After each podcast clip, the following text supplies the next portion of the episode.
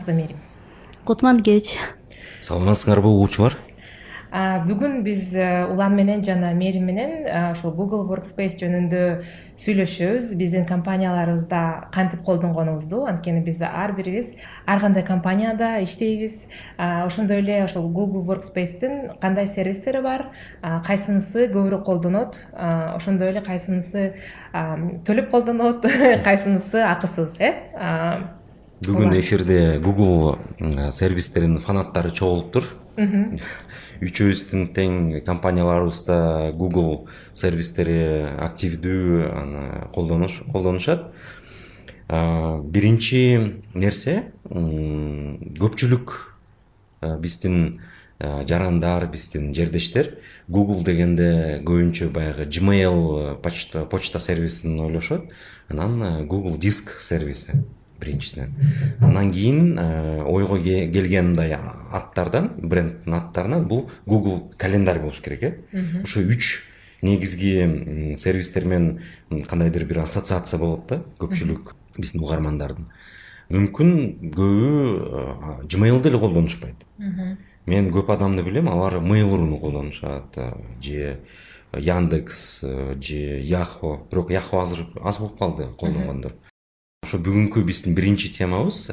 Google workspace деген э, бизнеске арналган сервис жөнүндө сүйлөшөбүз. Анан анын кадимки gmailден кандай айырмасы бар?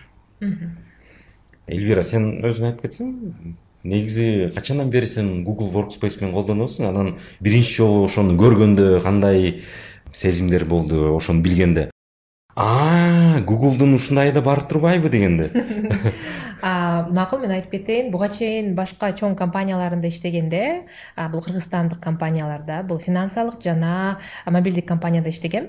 Ал жерде биз ушул google gmail менен google сервистери менен колдонгон эмеспиз. Анткени биздин өзүбүздүн ички кандайдыр бир корпоративдик сервистерибиз бар болчу да ошондо мындай айтып кетсем болот google интернет жабык болчу депчи.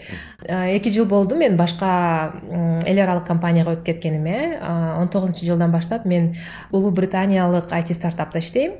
Ал жерде бүт ошо google сервистин эң сонун нерселеринин баары мага ачылды. Буга чейин деле мен билчүмүн workspace буга чейин g suite деп аталчу э. Ошондой эле ага чейин google apps болчу. ага чейин google apps болчу улан айтып кеткендей эле.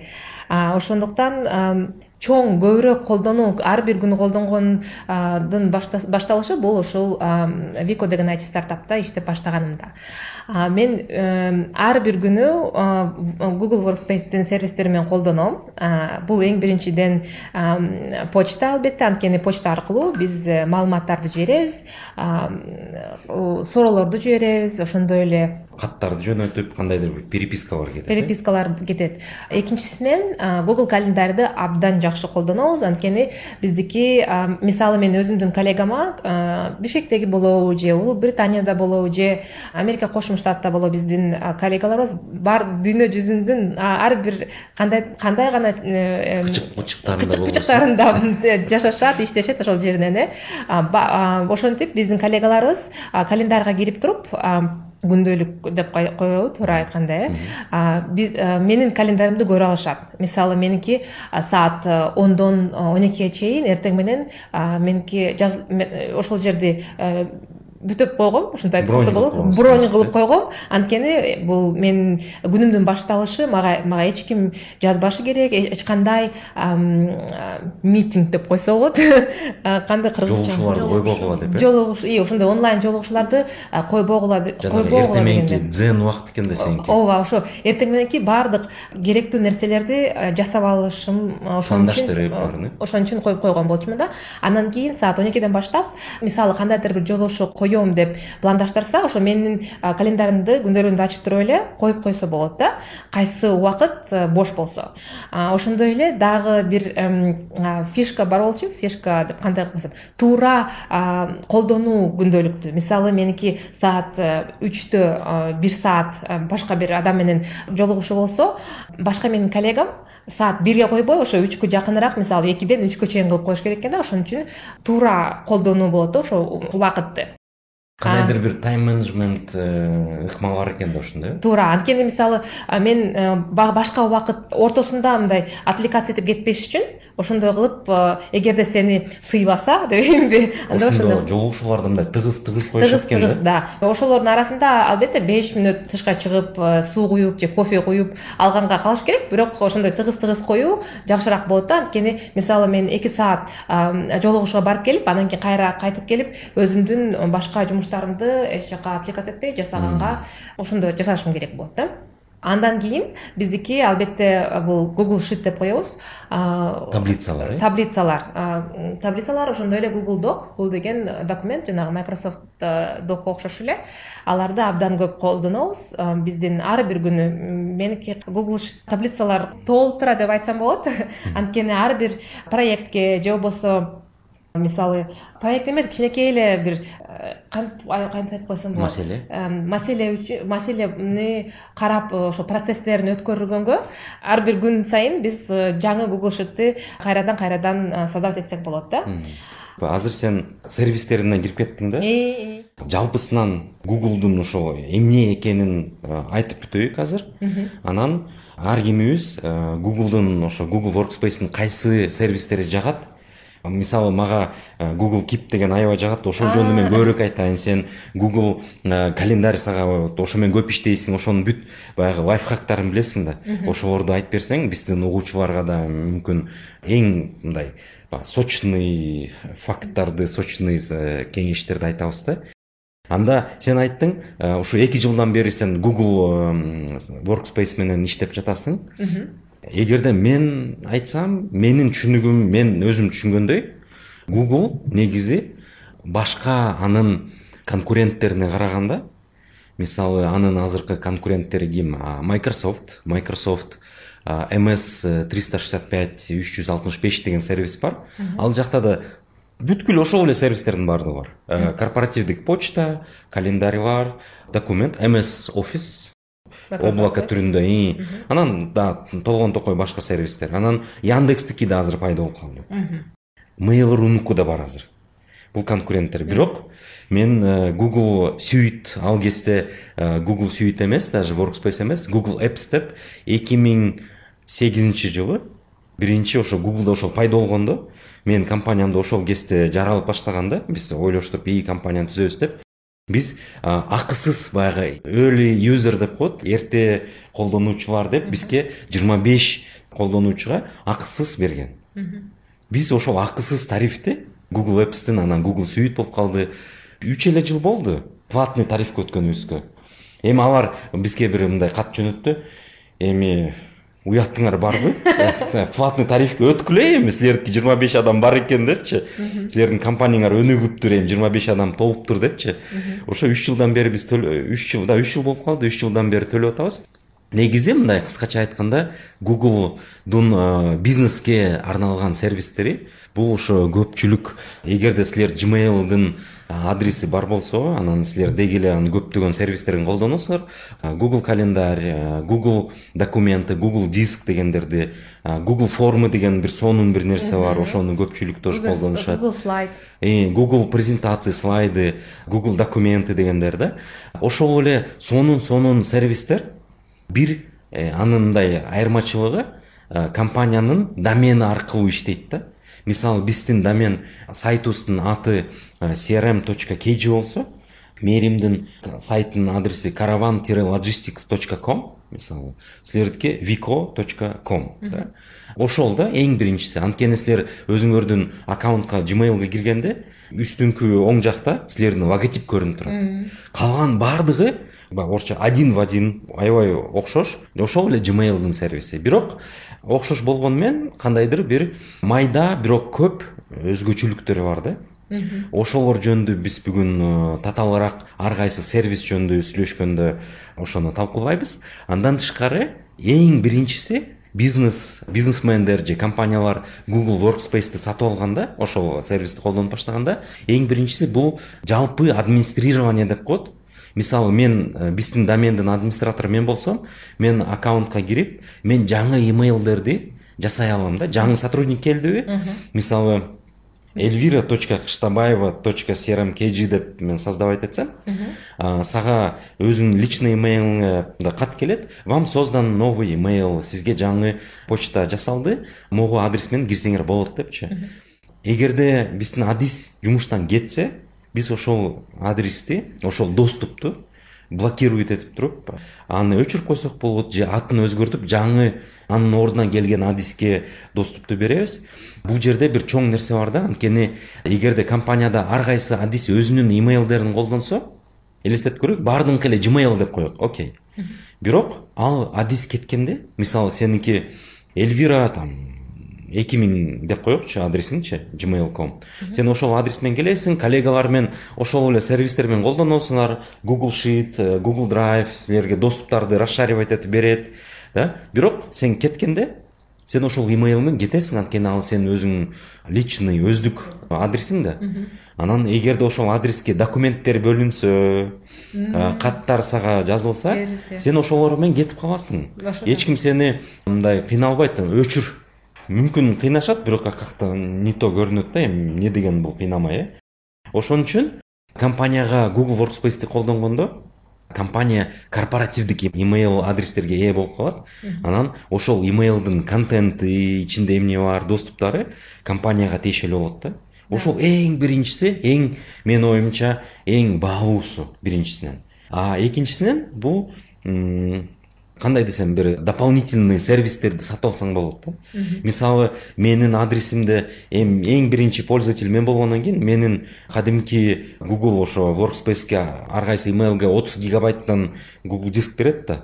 Ошоны толып кетті да ошо жылдың башында анан мен ә, консольға кіріп взять дополнительное место google диск дегенді алып мага дағы 20 гигабайт үстіне кошо алдым да платно бекен бе ал платный беш доллар айына ошондо менде элүү гигабайт болуп калды. Google диским баягындай сообщениялар келбей калды да. Силердин дискиңар толуп калды эми бирдемке кылбайсыңарбы деп google жаза берет. Намек жазып таштайт да эми. Сен дагы дополнительно бирдеме сатып албайсыңбы депчи? Ошонусу плюс да анткени кимге доступ жетпей жатса ошого сатып алат. Мен бир биздин ошо кыргызстанда бир чоң компанияны билем да алар да google workspaceти колдонот. Бирок аларда өткөндө бир нюансты билип алып аябай шок болдум да. Алар эң чоң тарифти алыптыр да где то жүз адамга. Бирок алар ай сайын бир э, пользовательге он доллардан төлөшөт экен анан эй эмнеге мынча чоң тарифти алдыңар десе бизге кээ бир сотрудниктерге отуз гигабайт жетпейт бизге ошо бир терабайт керек ошон үчүн депчи.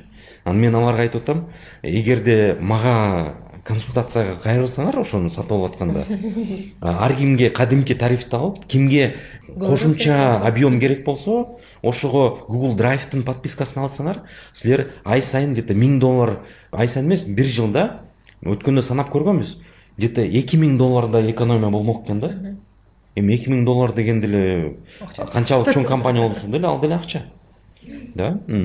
Ошон үчүн эң негизгиси бул корпоративдик уровеньде гуглдун бүт сервистерин колдонсо болот анан э, көпчүлүк билбейт эгерде google workspace болсо гуглдун виртуалдык серверлерин да колдонсо болот ошолор ал кадимки режимде э, доступный эмес бирок эгерде google workspace болсо виртуалдык серверлерди алса болот виртуалдык жанагы база данных көпчүлүк баягы разработчиктерге керек боло турган нерселерди деле ошол аккаунт аркылуу сатып алса болот. Ошон үчүн google workspace бул бизнеске арналган ошол эле гуглдун э, көп таанымал сервистерин доступ берет да. Дагы кошуп кетейин дедим эле. Жана күндөлүк боюнча э күндөлүктө жолугушууларды койгондо google календарь аркылуу жолугушканда онлайн жолугушууларда.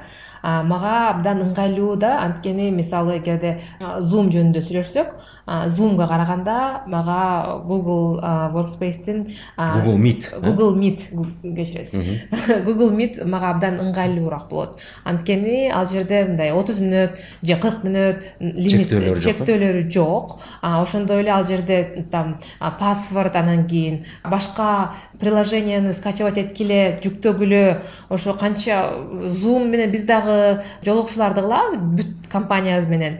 Бирок google meet мага абдан ыңгайлуу көрүнөт. Анткени ал жерде чектөөлөр жок биринчиден э. Экинчиден ошондой паспорт менен кирүү жок бирок э, башка бирөөдү чакырсаң аны кандай десем эпруф жасаш керек э? Эгерде сырттан бирөө келсе. Сырттан бирөө. Ал дагы ыңгайлуу деп ойлойм. Анткени мисалы менин компаниямдын ичиндеги менин коллегаларым деле эмес башка google колдонуучуларды деле чакырсам болот. Бирок аларды дагы мисалы ошол жолугушууга киргизсем алар ошондой эле киришет. Бирок эгерде мен анын шилтемесин жиберсем анда мага суроо келет да. Бул мисалы улан жумашев силердин жолугушууңарга кирем дейт. Киргизесизби деп. Анан жок кирбейт деп коесуң анан ооба деп э, бассаң уже кирип калат да? Таанымал тааныбаган бирөө болсо сен аны эпруф кылбайсың. Эпруф кылбайм кирбейт туура туура ошондуктан анда мээримге сөз берейин экөөбүз эле сүйлөшүп бердик экенбиз ооба жыйырма үч google workspace кайсы убакыттан бери колдонот кантип силер аны компанияңарга киргиздиңер кайсы ушул google workspace'in кайсы сервистерин көбүрөөк колдоносуңар? Кандай ушу кызыкчылыктар бар да силерде? Чоң рахмат. Ушул эфирге чакырганыңыздарга ошо улан жумашевго да рахмат. Ушу crm technologies компаниясынын жетекчисине. Биз ушу crm technologies компаниясын бир жылдан бери билебиз. Бизге crm программасын жазып беришкен аябай ыңгайлуу биздин жумушка ылайыктуу кардарлар менен оңой иштөөгө жазылган биздин программабыз деп айтсак болот. Анан ушул crm программасын иштегенибизге сегиз ай болуп калды. Негизи биз мурда офис программалары excel word менен колдончу элек. Баарыңыздар билесиздер ал мисалы файлдо отурганда же бирдеке кылып атканда бир эле киши иштей алат ал программаларда офисте отурганда сен чык сен чык ким отурат ал программада ким отурат мен эчтеке жаза албай атам деп эле бири бирибизге жаза берчү элек. Whatsapp группаларында анан уланга мен кайрылып кандай мүмкүнчүлүк бар деп анан улан ошо бизге gmail корпоративдик аккаунт предлагать этти. Биз ошону карап изучать этип. Мүмкүнчүлүктөрүн айтты бизге кандай плюстары бар. Анан мен дагы артыкчылыктары бар э анан бирок ал кезде google дисте программаларды айтканда көп маани деле берген эмесмин анан эң негизгиси корпоративдик анан ошол бүт сотрудниктер жана сиз айтып улан айтып кеткендей өзүбүз почта создавать эте алабыз өзүбүз аларды блокировка кыла алабыз мүмкүнчүлүктөрдү айтып бергенде ойлонуп ойлонуп анан ютубтан дагы изучать этип анан ошол улан бизге анан ачып берди бизге корпоративдик аккаунт биздин адистерге баарына жазып бердик анан crm программабызга аны уюкаштырып уюкаштырдык коебу уюкаштырып койдук аябай жеңилдик болуп калды анан ошол үч ай болуп калды биз gmail менен колдонгонубузга мурда деген mail ру аркылуу почтасы менен колдончу элек анан эл gmail десең баары эле э mail руда эле да обычный эле программа эле дешет да негизи көбүрөөчү айырмасы деле эмне депчи анан бирок ошол gmailга кирип колдонуп баштагандан кийин ошо мүмкүнчүлүктөрдүн баарын көрүп баштадык.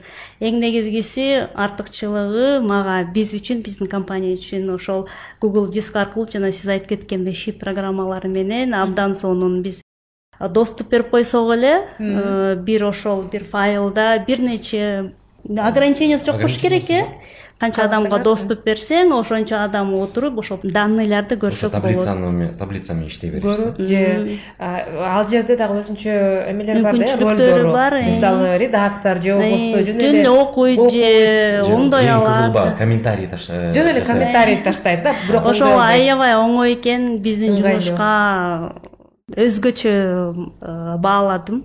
Буюрса уланга дагы бир биздин компанияга ылайыктуу бир заказ заказ кылган дебейинби биз деген ушу буюрса ошо ноутбуктарды бизге как коробка сыяктуу эле болуп калды бизге просто иштегенге эле да. А так бүт данныйларын бүт данныйларыбыз азыр google дисктин ичинде десек болот да. Анан дагы бир ошо чат менен колдонобуз. Чатын дагы жакшы ыңгайлуу сонун фишкалары бар. Биз комнат комнат чатка чейин whatsappтын проблемасын айтып бербейсиңерби кандай болгонун чатка кирип иштейбиз азыр. Бүт биздин адистер ушу чаттын ичинде. Ар бир комнаталар создавать этип койгонбуз. Көп мүмкүнчүлүктөрү дагы бар. Ар бир комнатанын ичинде атын жазып койгонбуз. Трек деп коет э? Ошол атын жазып койгонбуз. Анан бизге бирдеке керек болсо ошол жака кирип эле баарыбызды жазабыз. Жарым жыл болду болуш керек google чаттын ичине сырткы пользовательдерди да чакырса болот. Бирок ошо google комнатаны создавать этип атканда с возможностью башка сырттан да башкалар кире алат деп чекбоксту коюп коюш керек да. Анда силердин бир каардарда gmail бар болсо эң негизгиси. Ошол gmailн жазып аны чакырып койсоңор болот да. Ошондо кардарыңарда google инфраструктуранын ичинде ошо чаттардын арасында болот да ошонусу эми болуп мындай жана лайфхактарга кирет. Чаттан тышкары вот таблицаны колдонот экенсиңер э, google чатты колдоносуңар комнаталарга бөлүп комнатанын ичинде өзүнчө ар кайсы тема боюнча тректер кетет э. Почтаны колдоносуңар. Почтаны албетте биздин адистер азыр ошо gmail эле почтасын колдонобуз. Мен эстегиче менен почтаны mail рунда көчүрүп бергенбиз э? Ооба бизге бул crm technology сонун мүмкүнчүлүк жасап берди. Mailrуда билбейм андай барбы жокпу бирок ушу gmail биздин мурдагы почтабызды азыркы gmail почтасына э, импорт э? импорт уйкаштырыппы кандай анткени э, көп компаниялар азыркы маалда деле кандайдыр бир почтаны колдонушат да. Ошол почта калып кетпесин деп биз эски почтовый серверден ар кайсы пользовательдин почтасын жаңы почтасына импорт кылып азыр мисалы поиск кылса эски каттары деле gmailга келбегендери чыгат да синхронизация кылып койгонсуңар э? Же жок синхронизация иштебейт экен импорт кылдык ал мындай да биздин мурдагы груз точка kg деген почтабызга mailрунун почтасы да ошол жака келген сообщениялар азыр gmailга да келет аяка деле азыр деле келе берет. аяка деле келип атат. Копия сыяктуу да анткени кээ бир каардар бар эски ошо груз kgге жазышат да. Алардын э, маалыматтарын дагы алардын каттарын жоготпош үчүн жоготпош үчүн э? А бирок э, жаңысынан келгенде адистер ошо караван logistic комдон жооп беришет да.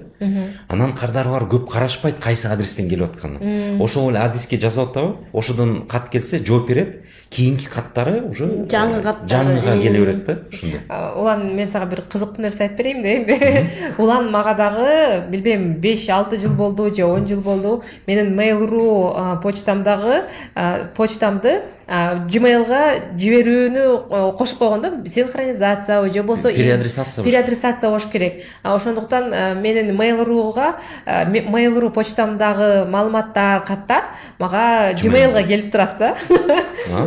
Ошон үчүн улан рахмат. Ошон үчүн мага кайрылыңыздар. Консультация кылып берем кошуп берем. Ушул тууралуу да айтып коеюн айтып коеюн дедим эле ошо корпоративдик аккаунтту ачканда ушул улан жумашевдин ушул услугасында ичинде бар болуш керек. Э, биздин адистерге келип баягы лекция сыяктуу окуп берген да айтып берген. Тренинг дегенде э ошондон кийин анан баары дагы көбүрөөк түшүнүп уже gmailге почта катары эле эмес дагы инструмент катары да колдонуп жумуш инструмент катары оңой инструмент. Эң негизгиси мага жакканы негизи ушу google google display жана щит программалары да. Биз дагы көп нерсени дагы колдоно элек. Азыр бияктан отуруп дагы көп нерсени угуп атам дагы чоң мүмкүнчүлүктөрү бар болуш керек. Ошо баардыгыңыздарды чакырам. Ушул gmail gmail аккаунттары менен иштеп корпоративдик аккаунт алууга бул чоң компанияларга жана финансы маалымат менен иштеген кардырлар менен иштеген компанияларга бул аябай жакшы керектүү инструмент болуп абдан керектүү. мен дагы бир нерсе кошуп кетейин э анда. Мен google презентация жөнүндө бир эки сөз айтайын дегем.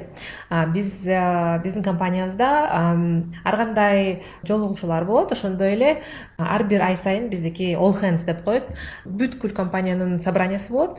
Ошондо биз ошол google презентация менен колдонобуз абдан ыңгайлуу анткени ошол эле google meettен презентацияны көрсөтүп туруп анан кийин бир нерсе жөнүндө айтып берип бир нерсе э, жөн албетте биздин компания ушул айда кандай иштеди кандай жетишүүлөргө жеттиңер жетти э, кандай э, жаңы биздин адамдар келди адистер ошолордун баарын айтып беребиз онбординг онбординг анан сонун кылып айтып беребиз. Ошол google slide дегенди мен биринчи жолу вико компаниясына келгенде эле билдим да бирок powerpoint менен иштеп эле жүрчүмүн. Powerpoint менен иштеп жүрчүмүн. Бирок деген мен билген эмесмин. Ошо гуглдун ичине кирип презентация кыла аларымдычы анан кийин мага жиберди да мен үч төрт кадам интервью өттүм.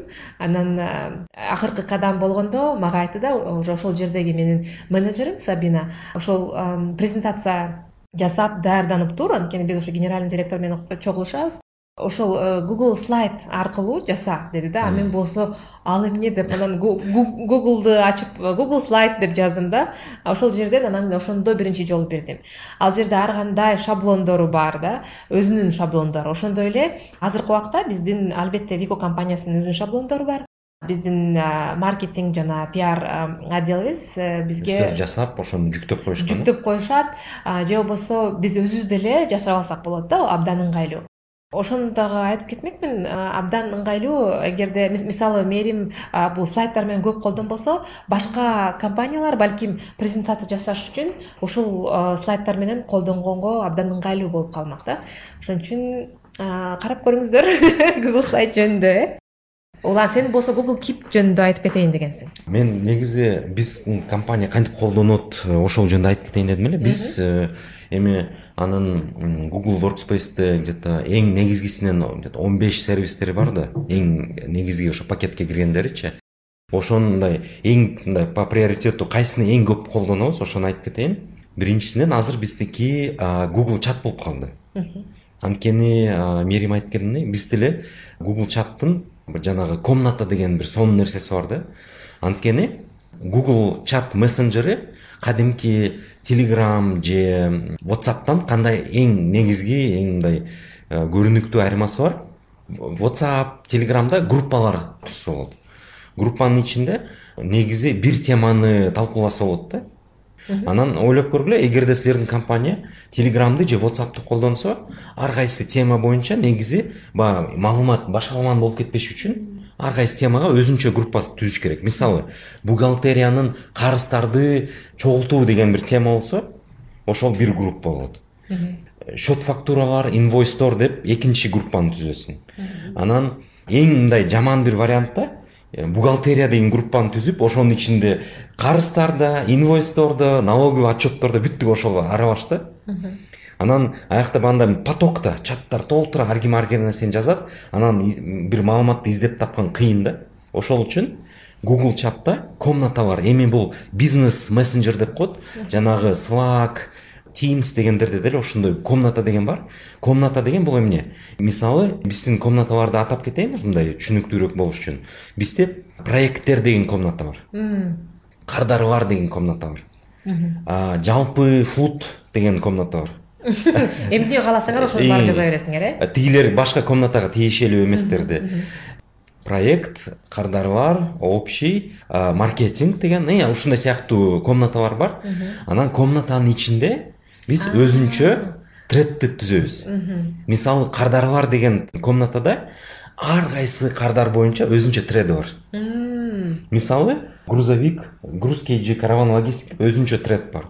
Анан караван логистиктен жаңы бир э, сунуш келсе проектке тиешеси жок жаңысы. Же бир э, кандайдыр бир арыз жалоба келип түшсө ошол жакка биринчи жазылат. Биринчи биз табабыз да ошол тредти караван логистик деп табабыз кардардын ичинде комнатада. Анан ошол жерге жазабыз. Мисалы биздин тамара деген лид менеджер аккаунт менеджер бар. Ал жазат мисалы караванда могу сервер өчүп калыптыр ошону кайрадан перезапуск жасаш керек депчи. Анан меншн жасап коет. Мисалы марат деген инженерди меншн жасап коет ал ошону табып серверди кайрадан жүргүзүп да иштетип коет. Анан жазып коет. Сервер иштеп атат нормально деп. Анан тамара кайрадан жазат все кардар менен байланыштык сервер иштеп атат все окей деп. Бирок ошол инцидент боюнча crmге Э, конечно тикет жасап коет э, мындай иштебей калды ошону оңдоп койдук деп. Проекттерге эгерде караван логистиктен жаңы проект келип түшсө мисалы биз crmди киргиздик анан google workspaceди киргиздик азыр дагы бир запрос боюнча жаңы проект жасап атабыз. Учет боюнчачы. Ошол боюнча жаңы тред жасалат. Караван логистикс слэш учетная система депчи. Ошол жерге биздин project менеджерлер жана программисттер ошол проект боюнча бүт чатты ошол жактан жүргүзөт да. Бирок ошол проекттен издесең google workspace караван логистик деген өзүнчө тред бар. Караван логистикс внедрение crm деп өзүнчө тредтер бар да. Ар кайсы проект боюнча өзүнчө тред кеткенде азыркы google чаттын жаңылуусунда поиск внутри комнаты деген сонун бир нерсе пайда болду. Ошону бассаң компаниянын атын жазсаң үч тред чыгып калат. Мисалы crm workspace анан учетный система деп. Анан сен учетный системаны басып туруп ошол жака жаза бересиң да кичинекей бир суроо бар да. Азыр айтып берип атканда мага биздин биздин мессенджер компанияда бул slack. Слактын дагы өзүнчө тредтери бар. Ага чейин биздин өлө жаман көрөм слакты ошо мен ошо суроолорду берейин деген да анткени сен айтып берип атканда мен жакшы мындай визуализация болбой атат анткени мен слакты көрүп атам да азырчы анткени ал жерде албетте direct message деп коет. Түз түздөн түз түздөн түз билдирүү жибергенде. Ошондой эле channels деп коет бул каналы да группа деп койсо болот ошондо биз private channels ошондой эле public channels кылса болот да. Анткени private бул кандай жеке жеке эмес эми жабык канал деп коет да. бүт сотрудникке тиешелүү эмес. Ошого чакырасың ошол эле иштей алат туура ачыктар баардыгы кире алат баардыгы кире алат да. Ошондо биздики вот улан айтып кеткендей эле general бар бул общий чат. Ал жерде компаниянын баардык сотрудниктери адистери бар да. Ошондой эле флут деп атпайсыңбы? Ошого окшош биздики рендом бар да. Рендом ар кандай нерселердин баарын аяка жибере берсеңер болот. Мемчиктерди жаңылыктарды тубан күнү менен куттуктагандар ошонун баары жиберилет да. Ошо бул каналдар. Каналдардын ичинде мисалы вот биздики product деген канал бар tech support деген канал бар support announcement деген э ал жерде объявление берилет да биздин отдел боюнча ошондой эле ар бир каналдардын ичинде өзүнчө тред кылса болот да. Мисалы бирок мындай улан айткандай тред эмес да ал жерде ал жерде биз дагы маалыматты издей алабыз. Бирок мисалы биздики жазышат. Биздики бүгүн ebay менен синхронизация болбой атат. Компаниянын айдиси мындай тигиндей тигиндей программисттерге кайрылыпчы вот сен айткандай эле меншн кылып туруп собачка маймылчаны коюп туруп анан мисалы антон деп коюп чакырсак ошо антон келет. Ошо антон же ар бир башка программист же продуктолог ошого астына эмес чаттын астына ошол берилген суроого создать тред дегенде ошол жерге жооп берет да. Биздики ошондой эрежелер бар. Тред кылып жооп берүү үчүн анткени сурообу анан кийин ал жерде каналга өзүнчө жазып койсо ал өзүнчө тред болуп кетет да анан таппай каласың. мындай ылдый болуп кетет анан кийин туура эмес болуп калат да кичинечи. Ошондо менин түшүнүгүм слак менен колдонгонго мен аябай көнүп калгам. Анан мага ыңгайлуу да колдонгонго. И азыр улан айтып кетип атат ар бир компаниянын мисалы уланда маркетингде же болбосо кандай сейлсби продажникеби же кардарлар деген тредте ичинде башка кардарлардын треди бар туурабы же туура эмес комнатанын ичинде өзүнчө треттер ар кайсы клиент боюнча да ар бир клиент ар бир кардардын өзүнүн комнатасы бар анан ал жерде информация суроо берсе болот э же болбосо жөн эле мындай сен айтып кетпедиңби тредке жооп берсе болот депчи. Бул ошого эле тред ошого окшош эле. бирок мындай визуалы башкачараак да анткени мага мен баягы айтып кетпедимби слак анча жактырбайм депчи. Слакта маалымат чаташ болуп кетет да. Анткени көп көп мындай сообщениялер кетет да. Эми мен мындай субъективдүү айтып атам да мен өзүм көнүп калганымачы google чатта сен биринчи ошол комнатаны тандайсың. Комнатанын ичинде бирөө жазса ал үстүгө чыгып кете берет да. Сен мындай крутить этсең көрөсүң да ким эмнелер жаңылыктар жазды депчи. Анан эгерде сен башка бир тредти табып чыгам десең ошону поискка жазасың атын эле. Бизде мындай правило коебуз crmдин ичинде ошол кардардын аты кандай жазылса латиница болобу кириллица именно ошондой түрүндө тредти баштап коюш керек да ошондо табылып чыгат. Ошон үчүн эгерде бирдемкени табам десең өзү чыгат. Анан телефондон колдонобуз мисалы компьютерден да ошон үчүн сени бирөө меншн кылса треттин ичинде. Сага сообщение келет да ошону бассаң ошол сообщение ачылат сен ошого жооп бере бересиң да сразу. Эле ошон үчүн мен билбейм мен көмүп калган үчүн ушундай көрүнүп атат да оңоюраак деп. Ачып көрүш керек экен анда. Рахмат. Анда келгиле ар кайсы сервис боюнча кыскача кыскача айтып кетейик э? Кандай сервистер негизи бар? Эми эң популярдуусу бул почта gmail gmail бул кадимки gmailдан көп айырмаланбайт. Бирок кандайдыр бир өзгөчөлөрү бар.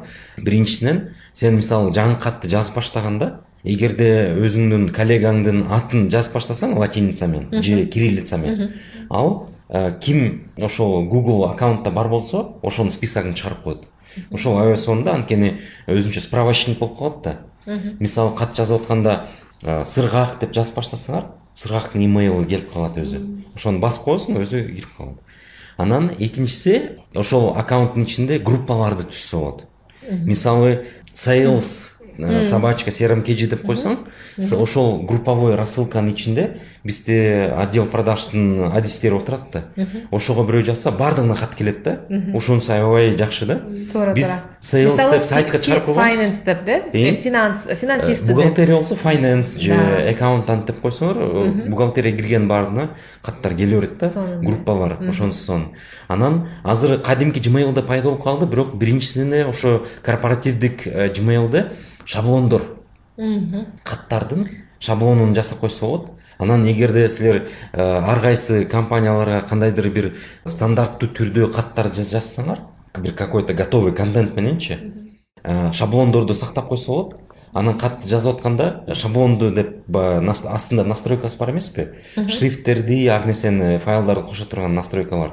Ошол жерден шаблоны десе шаблондор чыгып калат шаблонду тандайсыңар мисалы письмо претензия деп коелук ошол жерде шаблондун аты э? тексти э, каттын тексти кирип калат и ошол жерге уже баягы кимге жазып атат ошонун атын жазып коесуңар ошону жакшы айтып койдуңуз аны билбептермин ошону кийинчерээк көрсөтүп берейин шаблондорду кантип жазса болот ар ким кандай кат көп жазса ошону деле колдонсо болот да шаблондор анан подписьтер ар кайсы пользователь настройкага кирип өзүнүн подписьтерин жасап койсо болот мен эки подпись жасап коем дайыма биринчиси жаңы кат жазганда толук подпись биздики эми орусча да баардыгычы с уважением улан жумашев генеральный директор crm technologies. Контакты email телефон адрес ошонун баардыгы да? Анан эгерде мен катты катка жооп берип атсам же катты башка бирөөгө форвард кылсам? Кыскараак подпись кетет да? Баягы узун да негизи кыскараак кетет ошонусу да? Жакшы да мен кичинекей кыстырма алып коеюнчу ошондой эле билбейм сен ошондой нерсе менен колдоносуңбу же колдонбойсуңбу биздики мисалы англисче жазабыз да. Hello же болбосо good morning десем ал жерде сразу автоматически мага сунуштайт да? подсказкалар подсказкалар. Мисалы мен ошол англис тилинде бар. Англис тилинде мисалы мен шаанга жиберсем hello десем сразу шаан деп чыгат запятой кылып туруп эмки строчкага жиберсем ал жерде how are you doing? или там hope you're doing well деп чыгып калат да. Ошонусу аябай сонун да бул жанагы эле шаблон искусственный интеллект. И ошо бул өзү көрүп турат да кайсы кимге адреске жазып атсаң ошонун атын кошуп коет кошуп коет hello дегенден кийинчи анан мага эми мен англисче көп жазбайм да каттарды. Орусчасын бирок орусчада жазганда эмнеси жагат? Сөздү ката кылып койсоңчу. Ошону оңдоп кетет. туурасын көрсөтөт да анан ошону варианттарды эки үч сөздү көрсөтөт ошону тандап киргизип койсоң болот. Анан өткөндө мен э, бир э, партнерго англисче жаздым да. Эми меники анчалык аябай катуу эмес да английскийчи анан what about э, arrange meeting? Анан ушинтип жазып атсам мага жанагы э the meeting деп подсказка кылып атат да. Ошо жанагы артиклди дагы оңдоп коет. ошону мага көрсөтүп жакшы болбоду деп. Чын эле. Туура жөнөттүм да каттычы ошонусу жакшы экен керектүүсү бул ошонун баарын настройкасына кирип оңдоп койсо болот да. Мисалы бир жолу бир настройкага кирип мен а мен отпускка кетип аткам да анан кийин биз отпускка кеткенде настройкага автоматический ответти автоответчик кылып коебуз да. Хей мен азыр отпусктамын мынчасына чейин. онунчу августка чейин мисалы. Эгерде силердин аябай срочный суроолоруңар бар болсо сайкалга кайра алгыла деп сайкалдын имейлин эметип коем да эгерде күтө турсаңыз кичине онунчу августтан кийин кайрадан мен сизге жооп берем деп чыгат да. Ошол жерге кирсем настройкага андан башка дагы толтура настройкалар бар экен да. И ошол жерде добавить автокоррект жанагы автокоррект тууралап коюу деген да. Анан жанагы добавление эмне деп айттың шаблон эмес эми hello дегенде аттары жазылып кеткенчи ошону дагы автоответчик автоподстановка. подстановка деп коет экен. Ал керекпи же кереги жокпу өзүң чечет экенсиң да эгерде сага керек болсо анда ошону чек боксту коюп чек боксту коюп коесуң кереги жок болсо мисалы кээ бирүнө жакпайт да. Өзүнүн сөзү менен жазгысы келет. Алар алып койсо болот ошон үчүн анда сервистерди ар кайсы сервис жөнүндө кыскача кыскача айтып кетейин почтасы бұл мен ойымша ең көп қолданылған ә, google workspace'тің сервисі. Кейінгісі мен ойымша ә, бұл google диск google drive компанияның файлдарын сақта, сақташ үшін ә, файловый архив. Ә, негізі кадимки тарифте 30 гигабайт береді. Егерде башка мындай кымбатыраак тарифтерди алсаң бир терабайт ар кайсы колдонуучуга берилет андан тышкары бул архивдин мындай файловый серверден тышкары бул офистик документтердин редактору бул google документ google таблица google презентация google форма да? и google формалар.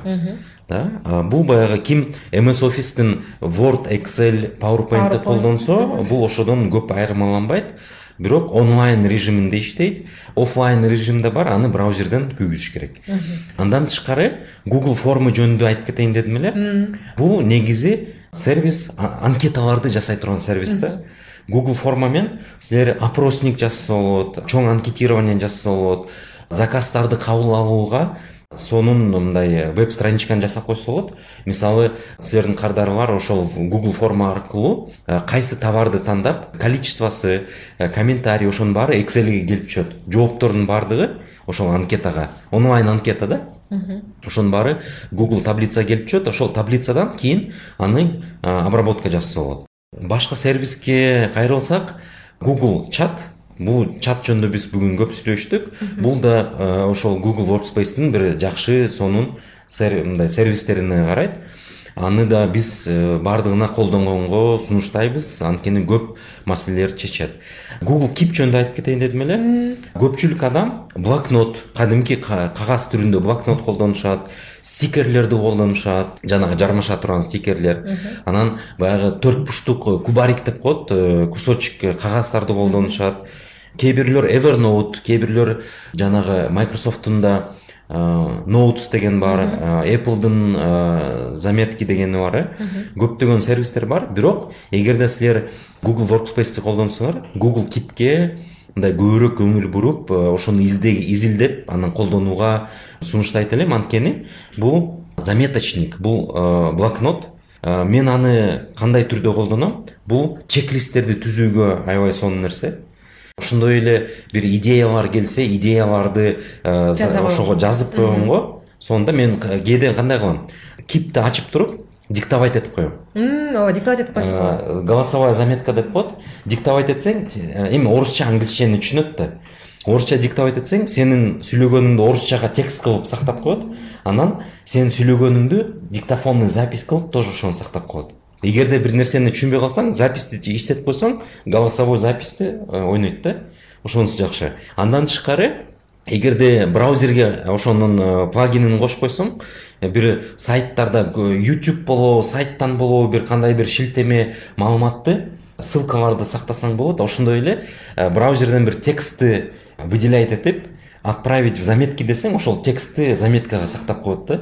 Мен ошентип көп цитаталарды же бир э, конкретный статьяны окуп атканда эгерде мага керектүү нерсе болсо ошону белгилеп туруп заметкага жөнөтүп коем да кипке. Ошондой эле заметканы башка бирөөгө шеринг кылсаң э, эки үч адам заметканы толуктап иштесе болот да. Өткөнү биз бир э, такси службага алар бизге келди да өзүнүн сервистерин айтып эмне керек экенин биз список жасадык.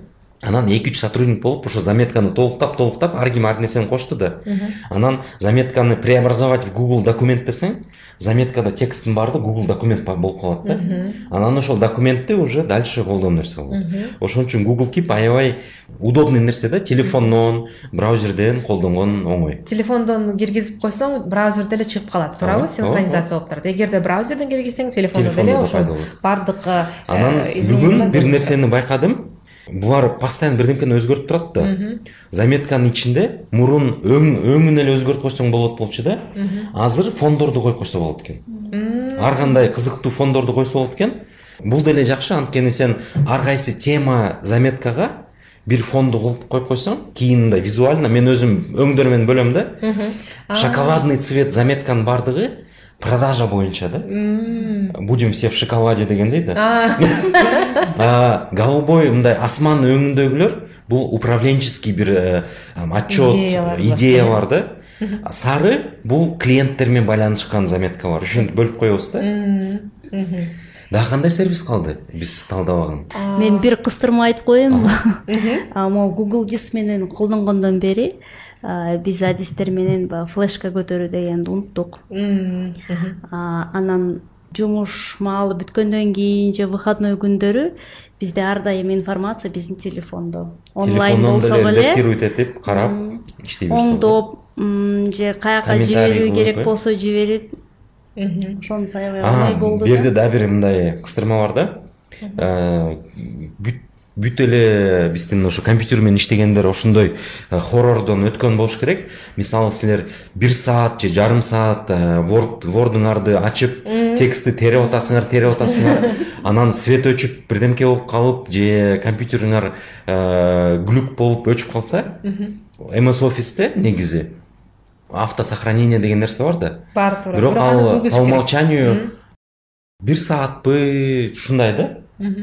Ошон үчүн мен word ошо word менен колдонуп жүргөндө мен настройкасына кирип автосохранение каждую одну минуту деп кошуп койчумун да. Анткени бир минуттун ичинде деле көп нерсе мен слепой печать болгондон кийин бир минуттун ичинде көп текст кыласың эми мейли бирок бир сааттын ичинде тергенди жоготпош үчүн автосохранение. А гуглдукунда сен жаздың сактап коет жаздың сактап кое берет да. Ошонусу жакшы да мындай автосохранение кетип берет немеси дагы бар жакшы биз өткөн жумада силерге кайрылбадык беле мен жардамчым щитте иштеп атып версия барбы оңдоп салып таппай калдык да эң биринчи немесин документин ошондо ошо версиялары сакталган ким кантип бузганы ошонусу ким кантип качан бузганы көрүнүп турат туура ошо анда улан мээрим чоң рахмат. Биз аяктап калдык. Келип кеткениңерге чоң рахмат. Бүгүн абдан кызыктуу жана керектүү нерселерди талкууладык деп ишенем. Айтып кетесиңби улан? Угуучуларга чоң рахмат. Ошо биздин эфирди укканыңарга. Биз бул эфирди кийинчерээк биздин подкасттан фин айти деп подкастты издесеңер ошол подкасттан чыгат. Оффлайн версиясы ошон үчүн подкастка келгиле уккула саламатта калыңыздар. Саламатта калышканча